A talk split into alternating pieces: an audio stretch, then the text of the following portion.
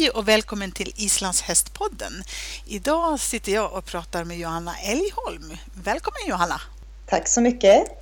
Du, du har ju blivit nominerad till Årets tränare, Trainer of the Year. Eh, något som Fife har, eh, vad jag förstår. Och det är mm, också vad jag förstår fyra stycken som är nominerade. En person från Island, en från Finland, en från USA och så är det du från Sverige. Och det här vill vi ju höra mer om förstås. Det är jättespännande. Eh, men först, för de som inte känner dig, hur skulle du beskriva dig själv? Ja, hur jag ska beskriva mig själv är väl att jag är en hästtjej.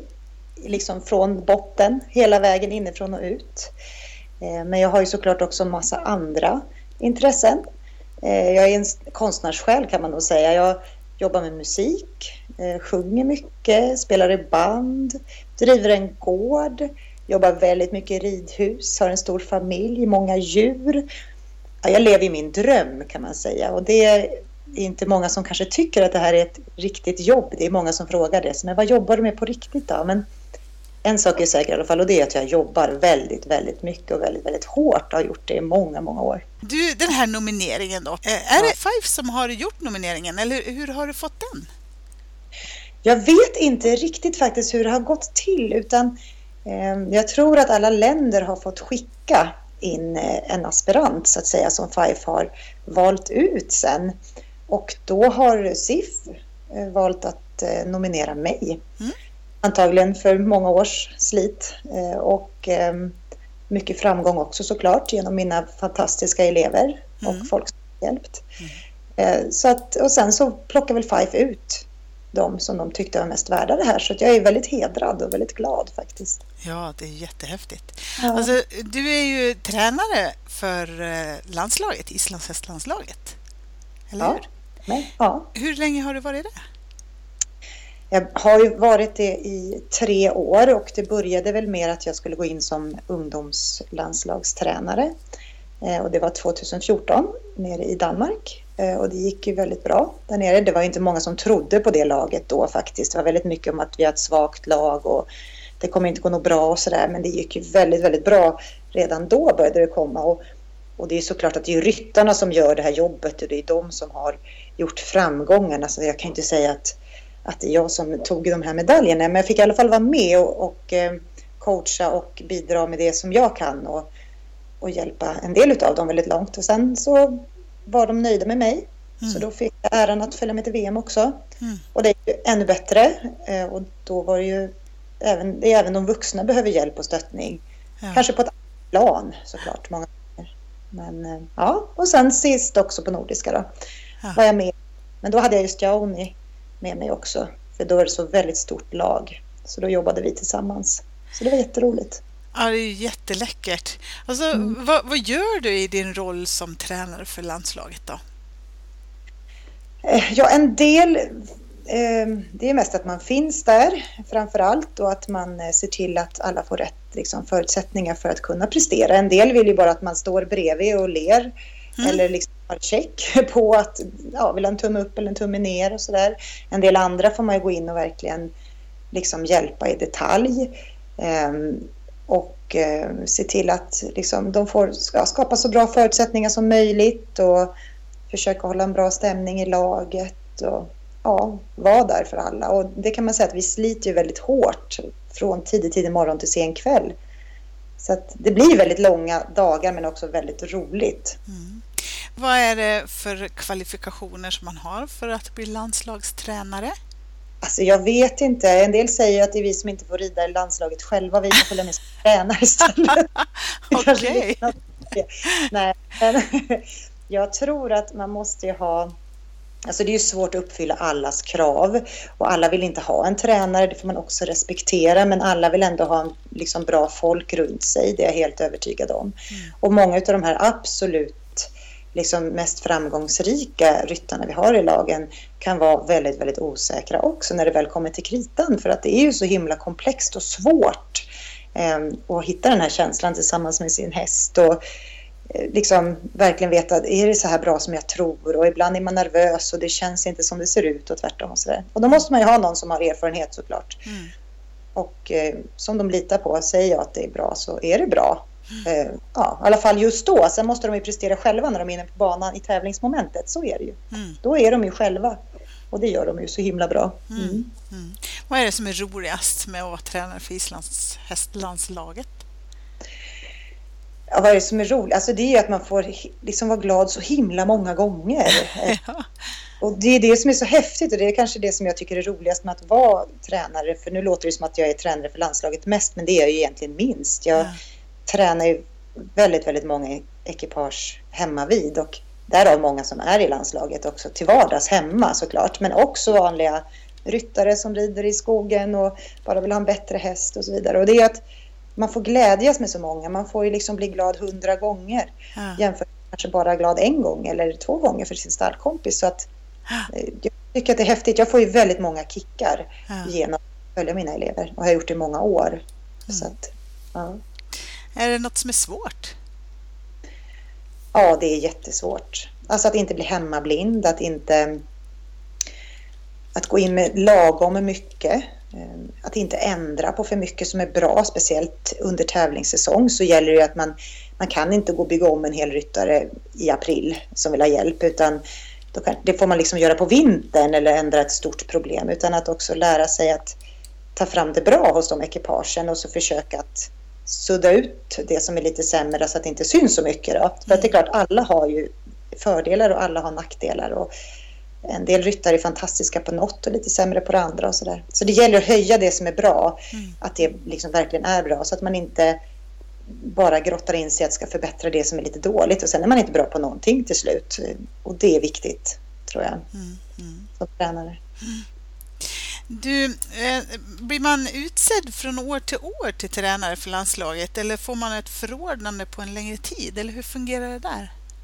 Alltså jag vet inte riktigt hur det har fungerat. Det brukar ju vara lite från år till år. Mm. Um, um, faktiskt. Men jag tror att det man har kommit på mer och mer är ju att de här absolut toppryttarna i laget är ju ett, det är en handfull samma ryttare oftast. Och det innebär ju att, då förstår man ju också hur svårt det är att plocka fram hästar, att det krävs enormt mycket ryttarkapacitet för att vara så här bra. De har ju oftast ett system som de jobbar efter och ehm, ja, där de behöver kanske inte mer en, en, tränare på plats, en ny tränare, utan de har ju redan ett system som de kanske behöver stöttning i eller någonting annat. Men det är ju framförallt när det kommer nya ryttare och unga förmågor och ungdomslag och sånt, där kan man ju gå in och göra en större skillnad. Så att mm. säga, för de är oerfarna och osäkra och så. Mm. Mm. Så jag har ju fördelen av att ha varit med i landslaget och ridit där själv också. Så jag har ju liksom ja, varit med i så många år i alla leden så jag vet ju hur, hur det går till med regler och med ja, bestämmelser. Och hur jag är även för detta FIFE-domare. alltså, mm. Så det som gör att jag kanske passar, eller har passat bra som det. Nu kanske jag inte får vara det igen så att nu ska man inte liksom, det har ju varit tre år så nu är det nog dags för någon annan tror jag. Men... Ja, är det så? Är det liksom, byter man ut lite inemellan så att säga? Jag tycker nog att man ska göra det. Mm. Eh, mm. Jag tror att det är bra mm. Eh, att man inte liksom fastnar som någon, ja, någon gammal sten där utan att mm.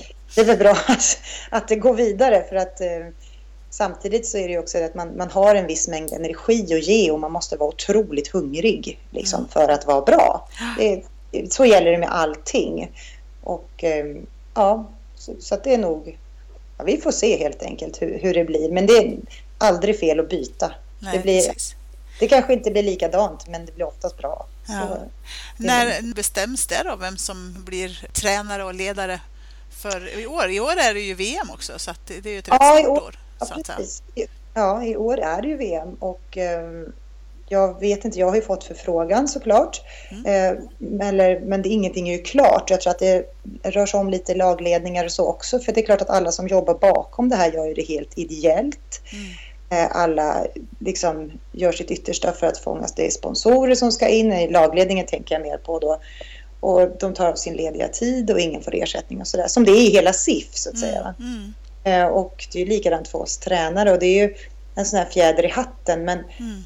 Eh, man ska ju också orka. Om, ja, jag har ju familj och, och sådär också. Man har så mycket. Vill jag tävla och elitsatsa själv och så måste jag ta hand om alla elever jag har till vardags.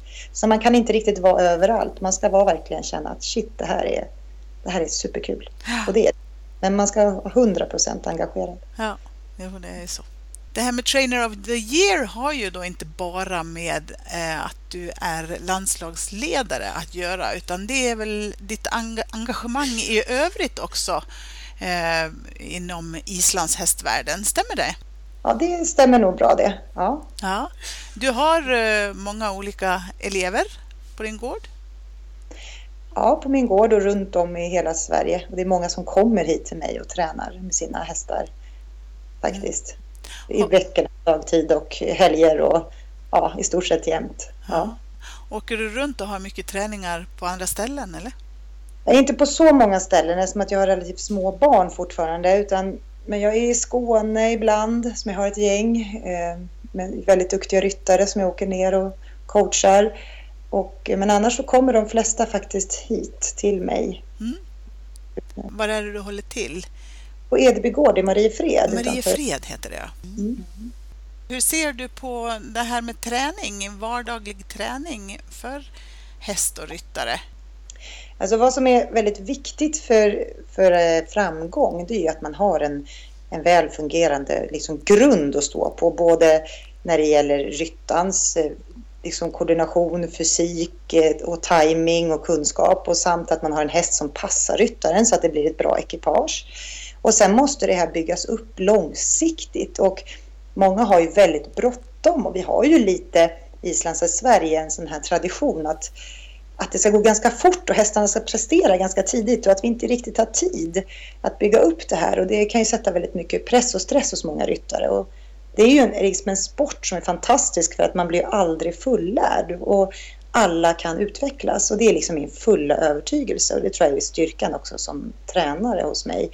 Att det, en del går det lite lättare för men ingenting är omöjligt som Gunde Svan säger kan man säga. Den, det, är liksom, det är jätteviktigt att tänka det och att, att, liksom, att rida det är att, att öva och att repetera och att göra om och, och att verkligen, verkligen våga lägga ner engagemang. Och det ger framgång. På vilken nivå man än vill komma så blir man bättre. Och det är något sånt som jag håller som en stadig röd tråd i min undervisning. Och att man liksom inte lämnar någonting åt slumpen. Och det finns inga genvägar när det gäller hästar och ridning. Och det kan ju en del tycka är jättejobbigt. Men då blir man inte heller så framgångsrik som man vill på sin egen nivå. Då. För alla såklart kan ju inte vinna VM. Det är ju helt uppenbart. Nej. Men det kan vara fantastiskt roligt att utvecklas ändå. Alltså det här är det bästa som finns. Absolut. Ja, det skri skriver vi under på. Ja, eller hur? Ja, verkligen. Mm. Du, eh, om man skulle vilja träna för dig då, har du plats för nya elever och så? Ja, det, det har jag säkert. Man kan ju alltid mm. mejla faktiskt och fråga. Så. Ja, precis. Så det finns så, möjlighet att kontakta dig. Absolut. Ja. Jag, det är bara roligt. Mm. Ja. Du har eh, läger på somrarna också tyckte jag att jag såg. Ja, jag har mm. ridläger på somrarna och en del av dem är ju mera rena träningsläger där vi, som jag håller själv, fyra, fem dagar. Mm. Och det är ju många som tror att man mest liksom rider och badar och så. Det gör vi väldigt lite utan det, det trimmas med alla olika möjliga övningar. Mycket sittsträning, mycket, mycket fokus på ryttarna också för att det är så att hästen blir ju inte bättre i balansen än ryttarens balans. Och det här är ju inga nyheter och ingenting som jag har hittat på, verkligen inte. Utan Nej. det bara är som det är. Mm. Liksom. Och det är bara att slita på. Och, men det är klart, vi dricker lite vin och har lite mysigt också. Så det är väldigt kul.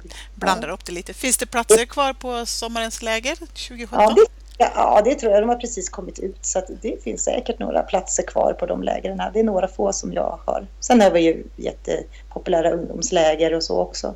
Och sen träningsläger innan SM precis brukar samla ihop lite folk eh, som kommer. Men det är klart, det är bra att ha tränat någon gång innan. Man ska ju inte byta ett vinnande koncept precis tre dagar innan start såklart. Det Nej, inte... så är det förstås. Nej. Ja, vad kul! Ja.